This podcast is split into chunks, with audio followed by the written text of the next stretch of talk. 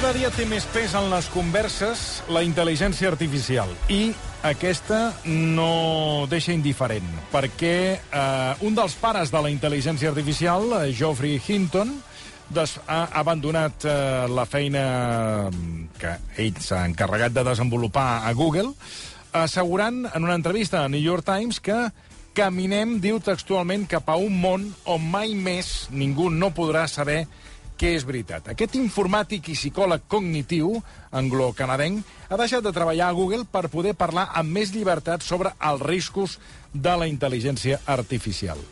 Saludem a aquesta hora en Xavier Sala i Martín, catedràtic d'Economia de la Universitat de Colòmbia. Professor, bona tarda. Hola, molt bona tarda. Com anem? Ah, molt bé. Abans de res, felicitats per, uh, per l'èxit de Sant Jordi, perquè aquest dilluns hi ha hagut un, uh, un nou recompte uh, i s'ha generat un canvi a la llista dels llibres més venuts, i a diferència del que es va anunciar en aquest cas va anunciar el Gremi de Llibreters, el llibre de no ficció més venut no va ser el de la Sotana, eh, que porta per títol La gran enciclopèdia del Barça, sinó el de la Sabana a Mart. Eh, no sé si potser no caldrien tantes presses el dia de Sant Jordi mm. i confeccionar-les ni que sigui uns dies més tard, no, professor?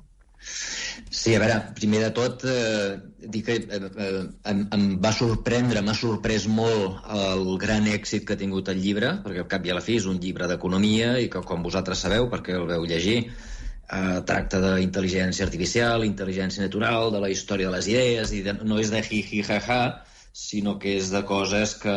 i a més és de, de gairebé 600 pàgines i per tant diguem, no, no, no, no tenia jo previst que tingués aquest èxit tan brutal que ha tingut i per tant molt content i molt agraït a tothom que va comprar-lo i, i, diguem, i, i demano perdó a la gent que, que es va tirar... O sigui, vaig, vaig estar de les 10 de matí a les 8 de la nit sense parar signant, tota l'estona, tota l'estona, tota l'estona.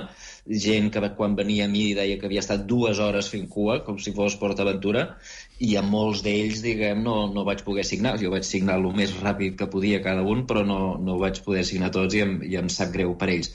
Dit això, contestant a la teva pregunta, Uh, primera, uh, diguem, això dels rànquings, això de la venda de llibres no és una competició. No hi ha medalles, no hi ha premis, no hi ha diplomes, no paguen diners, eh?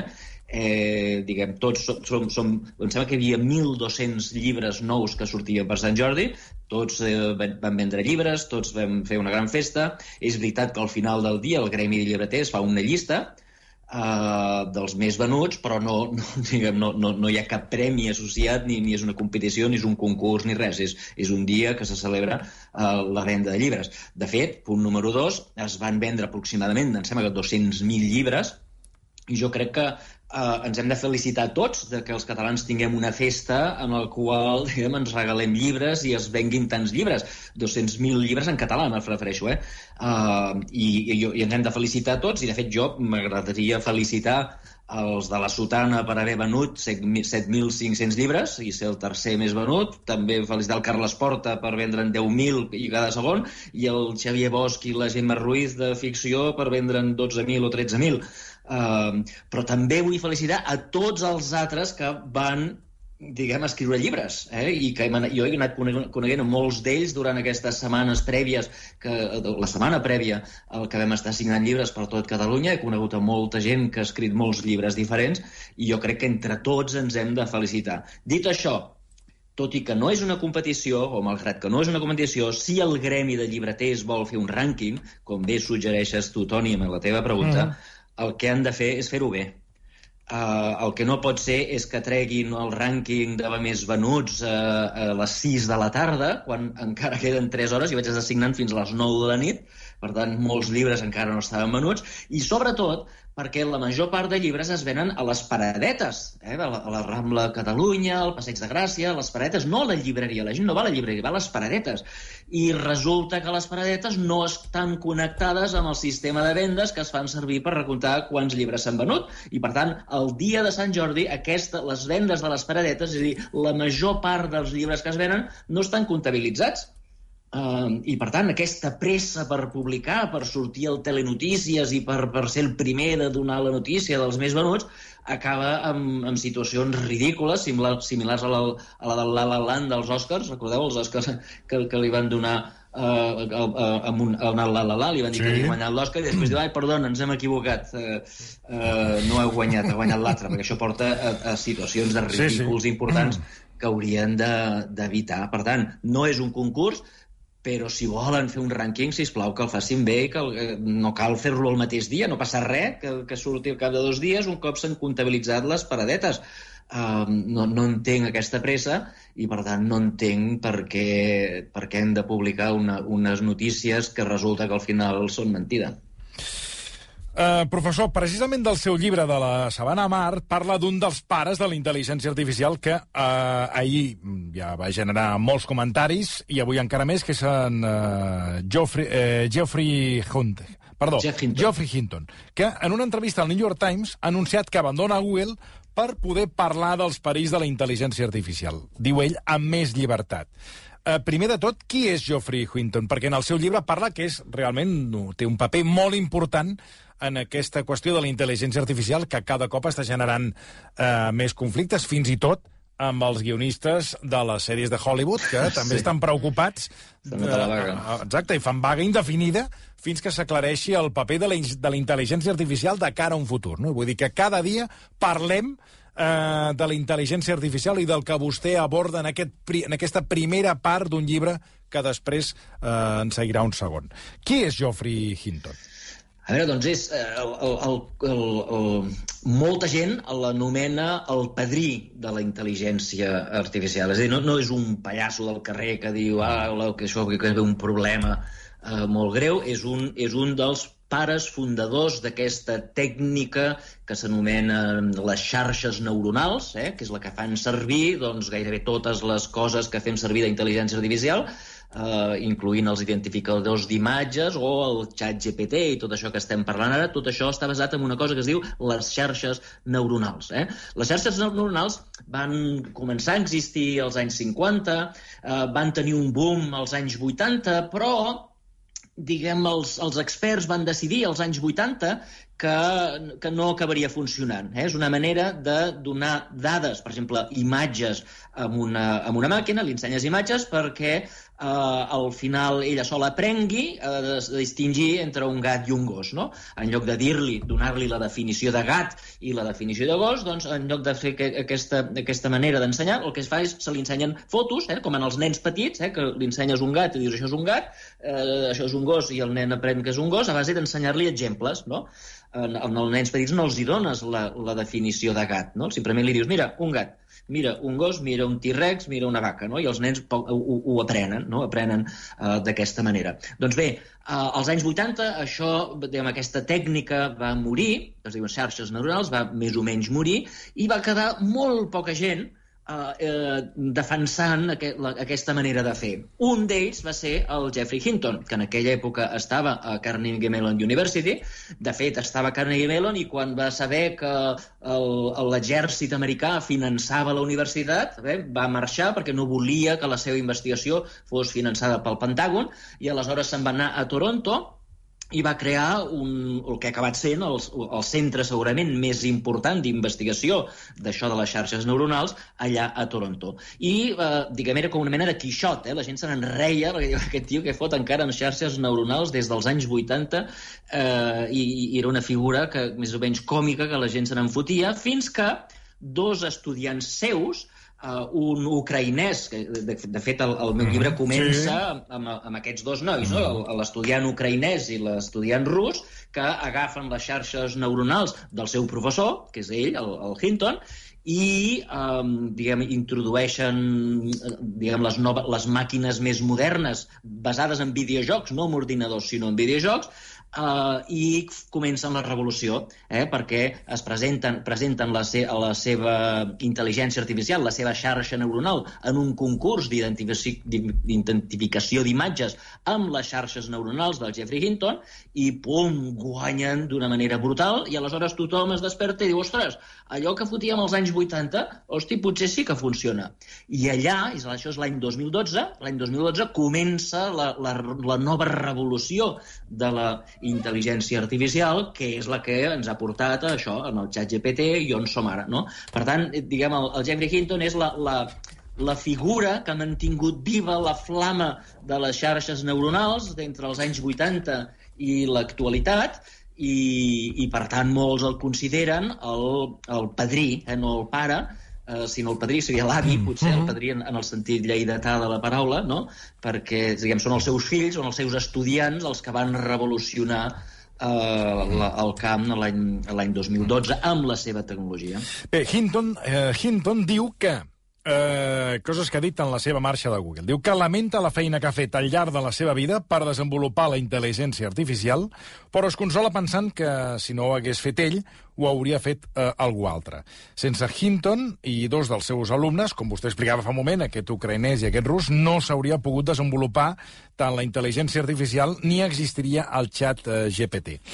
Uh, segons uh, ha explicat Hinton a New York Times, la marxa uh, d'ell uh, s'interpreta com un punt d'inflexió, el punt més, in, uh, més important d'inflexió d'aquestes darreres dècades.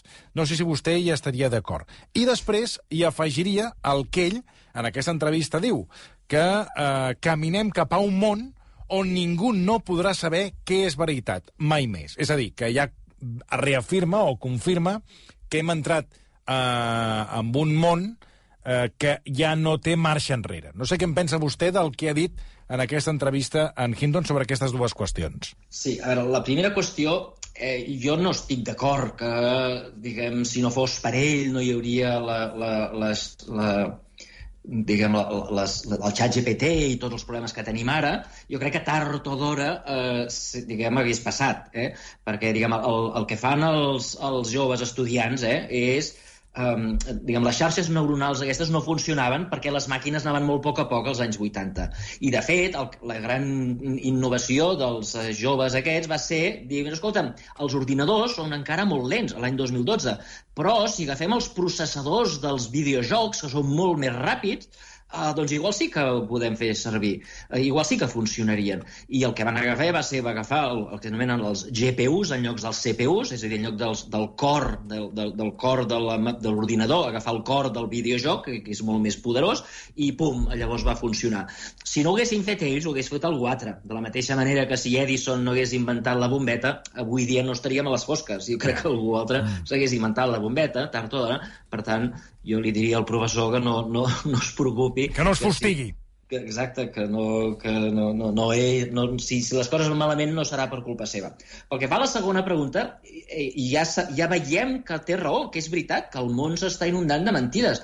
Uh, tots hem vist últimament uh, uh, amb, amb imatges falses doncs hem vist allò, imatges del papa, eh? imatges mm. creades per la intel·ligència artificial, el papa amb anoracs de Valenciaga, policies de Nova York arrossegant a Trump cap al, cap al, cap al jutjat, um, a la propera pel·lícula d'Indiana Jones, que encara no ha sortit, que sortirà el dia 30, uh, hi ha, hi ha uh, intel·ligència artificial, i el Harrison Ford, que té 80 anys, ara mateix té 80 anys, doncs apareix allà com si en tingués 40, i tots ens ho tragarem, uh, i això és intel·ligència artificial, i hi ha uh, pel·lícules pornogràfiques on es canvia la cara de l'actriu porno per una actriu normal, Uh, I, de fet, l'última vegada que vaig venir aquí, recordeu que vaig parlar el cas d'una periodista índia sí. que havia fet un documental contra la indústria porno. La indústria porno, algú, algun espavilat, va fer un vídeo porno a on sortia ella, és a dir, li van canviar la cara d'una actriu porno, li van posar la seva cara, i la pobra noia, que era eh, musulmana, va ser assassinada, assassinada per un grup de radicals uh -huh. islamistes. Uh, I, per tant, diguem, ja veiem el món, ja veiem que s'està inundant d'imatges, de, de, de vídeos, d'informació falsa, eh, perquè les màquines que poden generar, aquesta intel·ligència artificial generativa, que poden generar vídeos, poden generar imatges o poden generar text, doncs eh, genera el que li diu la persona que generi. I si la persona genera, li diu que generi una imatge porno, generaràs una imatge porno. I si diu que generi una imatge del papa amb un vestit de valència Valenciaga genera un, una imatge del papa vestit de Valenciaga. Però jo li diria també al professor Quinton que tampoc es fustigui d'aquesta manera perquè uh, i això també ho vaig dir l'últim dia que vaig venir, uh, el, el, el món està ple de fake news des de fa milers d'anys des de fa milers d'anys. Uh, recordeu, fa 15 dies l'empresa de, de, de notícies Fox News eh, va ser multada amb 800 milions de dòlars per haver divulgat notícies falses sobre les màquines de votar dels Estats Units. L'empresa de les màquines a la portada dels tribunals hi ha hagut de pagar 800 milions de dòlars per haver mentit, per haver falsificat la realitat. I això no és intel·ligència artificial, això són humans amb intel·ligència natural que han falsificat imatges. I si no voleu anar tan lluny, recordeu què va passar a Catalunya l'1 d'octubre Eh? Uh, es deia que els manifestants havien robat les armes dels policies, que els Jordis havien incitat a la violència, uh, quan les imatges deien exactament el contrari. Es deia que les iaies eren les que pagaven els policies i no pas al revés, i això, la premsa normal i corrent, ens ha inundat de fake news fins al punt de fer-nos creure que va passar exactament el contrari del que havia passat. Per tant, uh, que el món està ple de fake news uh, és una cosa que ja fa anys que passa. Eh? Ja fa anys que passa i, i, i el responsable no és la intel·ligència artificial, sinó la, la premsa natural. I, I podria ser, podria ser, mirant la cara positiva de tot això, de que, clar, fins ara eh, ens ho tragàvem tot.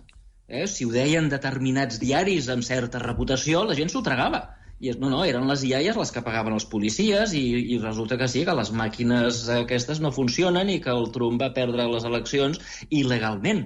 Uh, però si sabem tots que el món està ple de falsedats, a lo millor entre tots desconfiarem una mica i tindrem una mica d'esprit crític quan ens expliquin coses. I en lloc d'empassar-nos tot com a babaus, el que hauríem de fer, eh, el, el que això ens portarà a fer, és a pensar una mica, a buscar no? a buscar altres fonts i a intentar entendre el món eh, amb, diguem, des d'un punt de vista més crític i no pas tragar-nos el que ens diu la premsa o el que ens diu el diari o el que ens diu la ràdio. Eh, I si entre tots fem això, apliquem una mica més d'esperit crític i de recerca i de buscar la veritat, eh, doncs això pot ser una cosa positiva. Eh? Eh, però eh, el que sí que és cert, com diu el Hilton, eh, és que el món s'està inundant de, de, de propaganda falsa i ara és molt més fàcil amb, aquesta, amb, aquesta, amb aquestes tecnologies, és molt més fàcil doncs, crear de manera industrial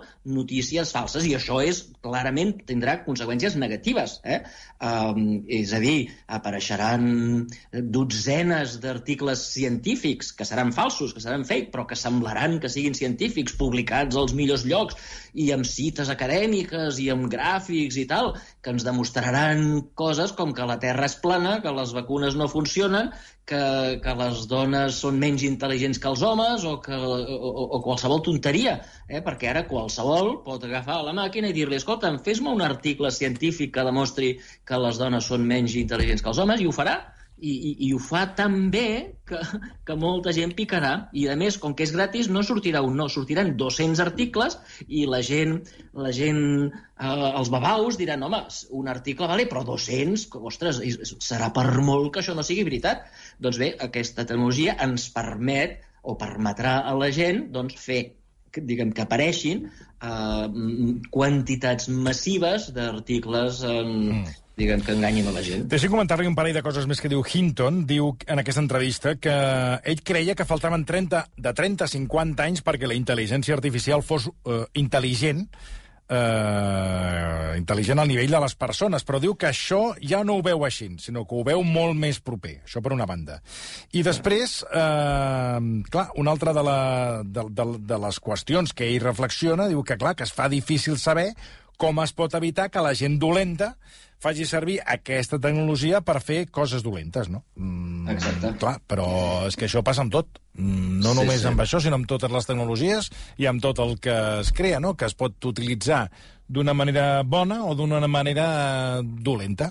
Correcte. A veure, eh, anem per pas. Primera, eh, el xat GPT i totes aquestes tecnologies que li diem intel·ligència artificial eh, no són intel·ligents de moment. Eh?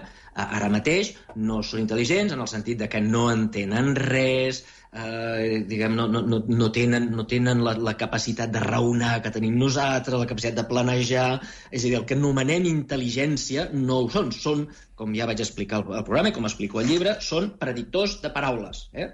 Són màquines molt bones, màquines estadístiques de predir paraules basades en les probabilitats que elles observen. No? Li, li ensenyes milions i milions de textos i diu, escolta'm, doncs en anglès, després de la lletra W, ve la lletra H, sempre, i, o gairebé sempre, o molt sovint, i per tant ell després del W posa la, la, la i després posa la, i després posa la T, i va posant paraules, una, un, lletres, i després paraules, i després frases, una darrere l'altra, fins que sembla intel·ligent. Per què? Doncs perquè he vist milions i milions de textos on els humans feien el mateix i la màquina intenta imitar. Però això no vol dir que sigui intel·ligent. Eh? Uh, per tant, ara mateix no són intel·ligents. Ara bé, el fet de que Hinton, que com he dit és una superestrella de la història de la mm -hmm. intel·ligència artificial, el fet de que ell digui, i que a més no només un, un, un, un gran eh, diguem, una gran figura històrica, sinó que ha estat al cap de Google, eh, de, de, de intel·ligència artificial de Google en els darrers anys. Per tant, és el que està liderant tot aquest moviment d'aquestes noves tecnologies. El fet de que ell digui que fa dos o tres anys pensava que la intel·ligència artificial, que encara no ha arribat, eh, la intel·ligència de veritat no ha arribat, però que ell la veia a 30-50 anys de distància, eh, el fet de que ell digui que ja no la veu a 30-50 anys de distància, sinó, diguem, a 5-6 anys de distància, doncs a mi em fa por. A mi em fa por. Jo, no, òbviament, no sé tant com ell, eh, i, i per tant no seré jo qui el contradigui, però, però clar, si un d'aquests eh, tios que és el que lidera, que, que ha estat a Google fins fa dos dies i que veu el que està passant i veu el que està a punt de passar, perquè la, la tecnologia que ve després ells ja, les de, ja la deuen tenir, ja l'estan testejant, i veu, li fa por perquè el que ell pensava que no passaria fins aquí 50 anys està a punt de passar, eh, doncs jo no sé què és el que veu, però, però si ell té por, doncs a mi em fa por que ell tingui por, no? Eh, pel que fa al, això de que la tecnologia no és ni bona ni dolenta, sinó que depèn de qui la utilitza, això és veritat, però hi ha tecnologies que són més fàcils d'impedir que caiguin en males mans. Eh? Per exemple, la tecnologia, tecnologia nuclear, és perillosa perquè una bomba pot fer desaparèixer una ciutat com Barcelona en 3 minuts, no? Uh, però, clar, per utilitzar una bomba, per crear una bomba nuclear, per utilitzar aquesta tecnologia, uh, cal tenir urani. I d'urani n'hi ha poc al món. I, els, per tant, diguem, hi ha, poca, hi ha poca gent que el pugui tenir i per tant només cal que els governs d'Estats Units, de Unió Soviètica, la Xina, la Índia, França, Gran Bretanya, Israel i no sé qui més, que són els que tenen ja les bombes nuclears, només calia que aquests es posessin d'acord, quan es van posar d'acord i van fer els tractats de no proliferació, eh, diguem, controlarem que ningú més pugui tenir, perquè així cap terrorista ho podrà tenir. Eh? Això era fàcil.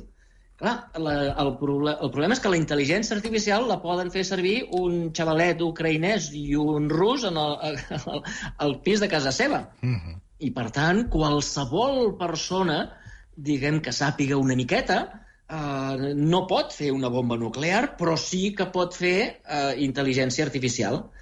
I, I, de fet, aquest cap de setmana han sortit notícies que s'han detectat ja centenars de noves webs dedicades totalment a notícies eh, falses, eh, que, que l'objectiu no és generar, no, no és destruir la democràcia a través de la massificació de les mentides, sinó obtenir diners de publicitat, eh? perquè si pensen que si fan moltes notícies, doncs eh, tindran, tindran això anuncis, que és això com guanyen els calés la, la, les, les empreses de, de, de, de, de diaris i de, i de, i de de notícies, doncs mira, fabriquen notícies amb intel·ligència artificial per guanyar calés.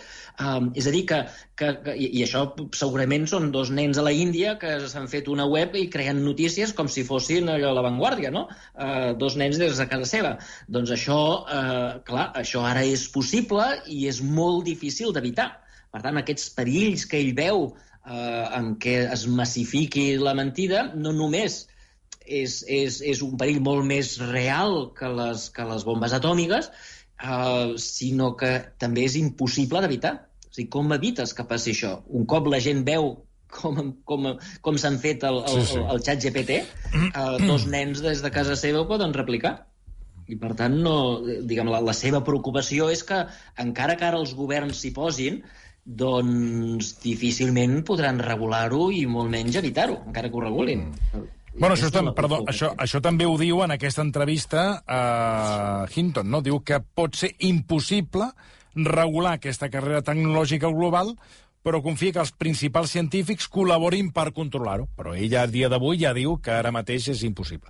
Eh, permeti'm que eh, la Marta Cailà té una, una pregunta Una- al voltant de... Una pregunta perquè Hinton ha explicat que fins ara ha treballat tranquil a Google i amb la consciència tranquil·la perquè veia que estaven fent les investigacions de manera responsable, però que eh, el fet que Microsoft anunciés eh, eh, l'ús del xat GPT al seu buscador Bing ha originat com una guerra entre Microsoft i Google i ell diu, mira, jo me- me'n vaig d'aquí i així podré parlar obertament dels riscos que té la intel·ligència artificial. I la meva pregunta, professor, és qui controla, qui està controlant totes aquestes investigacions? Hi ha algú que vigili? No, no, no. Ningú no No, controla no, res. No hi ha ningú. A veure, eh, fins ara Google eh, s'havia comportat d'una manera eh, raonable. Eh?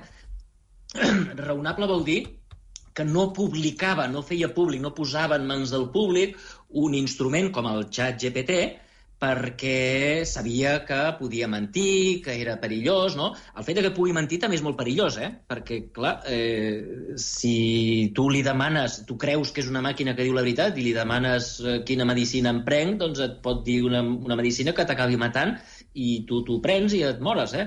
Uh, per tant, mm, que, que, això, que, que, que les conseqüències negatives d'aquesta tecnologia, Google les entenia i, per tant, ells no publicaven els seus eh, GPTs. Eh? GPTs vol dir el, els, els transformadors generatius pre, preentrenats, no? És a dir, GPT. Eh, doncs bé, ells no publicaven i perquè eh, tenien, pensaven que ells havien de ser una empresa responsable i tal. Però recordeu que el negoci de Google és el buscador. Eh? Tots coneixem Google perquè quan busquem una cosa, doncs anem a Google li preguntem pum, pum, pum, i ens dona les pàgines que estem buscant. Entre els milions i milions de pàgines que hi ha a internet ens diu les pàgines on hem d'anar a buscar exactament el que estem cercant. En- Ens, ens, ens, en, és un buscador important. El segon buscador més important a nivell de popularitat al món, el primer és Google, de llarg, eh? de llarg. El segon és Bing, que té Microsoft. Val? Doncs bé, uh, fins ara Google dominava i es comportava de manera raonable, uh, però va aparèixer OpenAI, eh, aquesta empresa, que de fet és una empresa, el director de, la, de científic de la qual, d'OpenAI, els que creen el xat GPT, el xat GPT-4, el GPT-3, tots aquests, és el rus. Te recordes els dos estudiants? Sí. L'ucranès i el rus. Doncs el rus va i eh, és el cap de uh, OpenAI, que és el que crea tot això. Doncs bé, quan OpenAI agafen els seus uh, GPTs, els seus um, llenguatges d'aquest, uh, models de llenguatge aquests que fem servir tots, i els publiquen, uh, aleshores apareix Microsoft i els hi compra. Els hi dona 10.000 milions 10.000 milions de dòlars a OpenAI uh, i es queda el producte. Diu, a partir d'ara, a la xarxa buscadora Bing apareixeran dues coses. Quan tu busquis eh, les sabates del senyor Marcelí, no? Mhm. eh, doncs t'apareixerà a la banda esquerra totes les pàgines webs del món que parlen de les sabates del senyor Marcelí. Però a la dreta t'apareixerà l'OpenAI que et dirà, et farà una redacció sobre les sabates del senyor Marcelí eh? i et farà una explicació i si en lloc de sabata del senyor Mascalí busques quina medicina li haig de donar al meu fill perquè li han sortit uns puntets a la llengua doncs a l'esquerra t'apareixeran pàgines web que parlin de puntets a la llengua i a la dreta t'explicarà eh, el, el xat GPT t'explicarà exactament el que has de fer eh? el 90% del que et dirà és mentida però tu t'ho creuràs i aleshores Google va dir, ostres, això canviarà radicalment els, els, els sistemes de búsqueda de tot el món. Ens estem quedant enrere. Ens estem quedant enrere perquè la competència, que és Microsoft i Bing, oferiran el xat GPT com a part del seu producte de búsquedes i la gent se n'anirà massivament de Google, marxarà de Google i començaran a utilitzar el Bing. I, per tant, nosaltres perdrem una quota de mercat brutal. I aleshores la manera com reacciona Google no és la manera equilibrada i raonable i responsable que esperava Hinton, sinó eh, treuen ells el seu, eh, el seu GPT, que es diu BART, eh, també a mig fer, que comet enormes errors, i, i el, és on el Hinton diu, escolta'm, ja hem deixat nosaltres de ser responsables, aquesta carrera, que no és una carrera per la intel·ligència artificial, eh, fixeu-vos, és una carrera pel món dels cercadors. Uh -huh és una, carre una carrera per no perdre mercat en el món dels cercadors. El món dels cercadors és un dels més lucratius que hi ha, perquè el qui té els cercadors és el que té la informació que permet vendre els anuncis. Tots els anuncis que veiem avui dia a internet, o la major part, estan controlats per Google, perquè Google sap el que volem comprar cadascun de nosaltres i ho sap perquè nosaltres fem servir el seu cercador.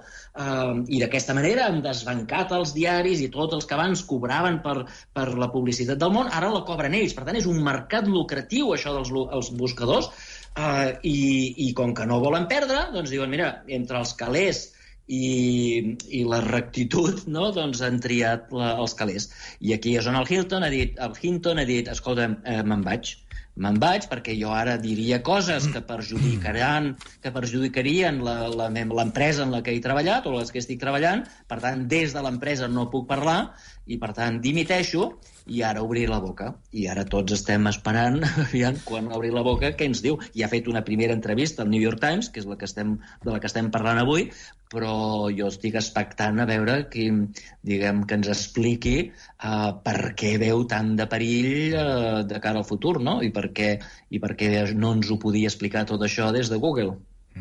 Uh, anava a dir-li que, que la va encertar de ple quan eh, va començar a estudiar a fons la intel·ligència artificial perquè eh, després d'aquests cinc anys que ha estat vostè estudiant eh, al voltant de la intel·ligència artificial, que li ha permès fer aquest primer llibre de la sabana a Mart i que en farà una segona part, eh, ara mateix és la qüestió que, de, la, de la que més en parla i de la que més ens sí, ocupa, sí. no? La intel·ligència. O sigui, sí, sí. Eh, en poc temps, de cop i, I volta... la velocitat... De, a la, a la, no, no parem de rebre el que li deia, la vaga dels guionistes eh, sí, sí. dels Estats Units, no? És a dir, que s'ha erigit com una de les qüestions eh, importants de la, de, la, de, la, de, de la nostra societat, la sí, intel·ligència artificial. I de l'economia. Sí, sí. Perquè una altra queixa de Hinton, de Hinton, de la que no hem parlat, és que diu que perdrem sí. llocs de treball a esquerra i a dreta i per tot arreu.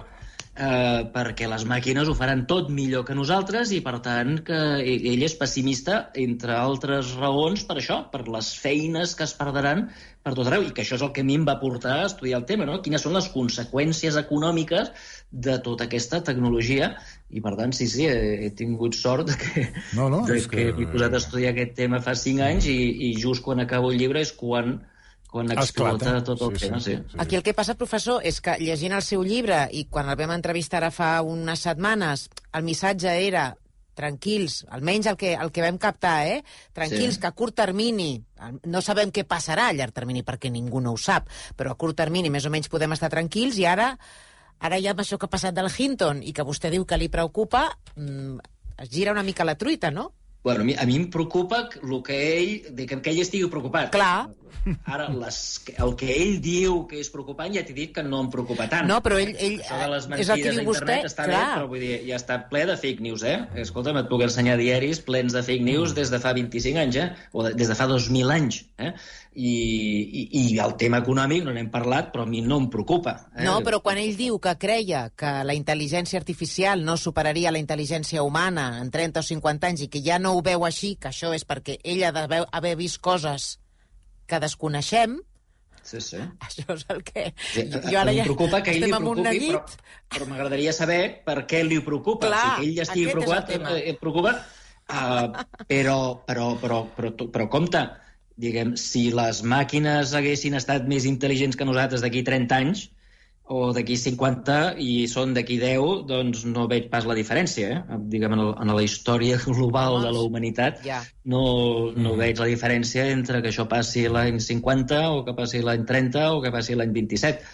Eh, sincerament, ara vull saber exactament què és el que li preocupa a ell i el fet de que ell estigui preocupat a mi em preocupa. El fet de que ell predigui que s'acabaran les feines no em preocupa, eh? perquè ell, per exemple, l'any 14 va dir, després de l'èxit de del seu, dels, dels seus estudiants, que, recordeu, el que feien era identificar imatges, eh? i va dir, d'aquí tres anys no quedarà ni un metge, perquè, o, o metge d'aquests que es dediquen a, a analitzar no? les radiografies, els, els, diguem, els càncers, no? tot això que, que van amb imatges, uh, va dir tots aquests millor que deixin d'estudiar perquè no en quedarà ni un. Uh, escolta, no ha passat, no només no ha passat, sinó que avui dia hi ha més metges que l'any 2014 i, ha, i, i no hi ha ni un radiòleg que, que hagi perdut la feina per culpa d'això. Per tant, com a, com a predictor de, de, eh, de, de coses econòmiques, el Hinton no és un gran especialista i no, de moment no n'ha encertat ni una. Uh, però, bueno, insisteixo, el fet de que ell estigui tan preocupat per això que no ha explicat què és, eh, doncs a mi em preocupa, però vull saber exactament què és el que li preocupa amb ell, que, perquè de moment encara no ho ha dit. Bueno, si té ocasió de parlar amb ell, doncs ja ens ho farà saber, què és el que li preocupa. Sí, sí, sí. Nosaltres ho veig difícil. Professor, moltíssimes gràcies per acompanyar-nos. Gràcies a vosaltres. I enhorabona, repeteixo. Gràcies per acompanyar-nos i enhorabona pel, pel llibre, un llibre eh, com dèiem, Xavier Salai Martín, que eh, ens explica d'on venim, on estem i cap a on anem pel que fa a la intel·ligència artificial. Tres minuts i tornem. Fins ara mateix.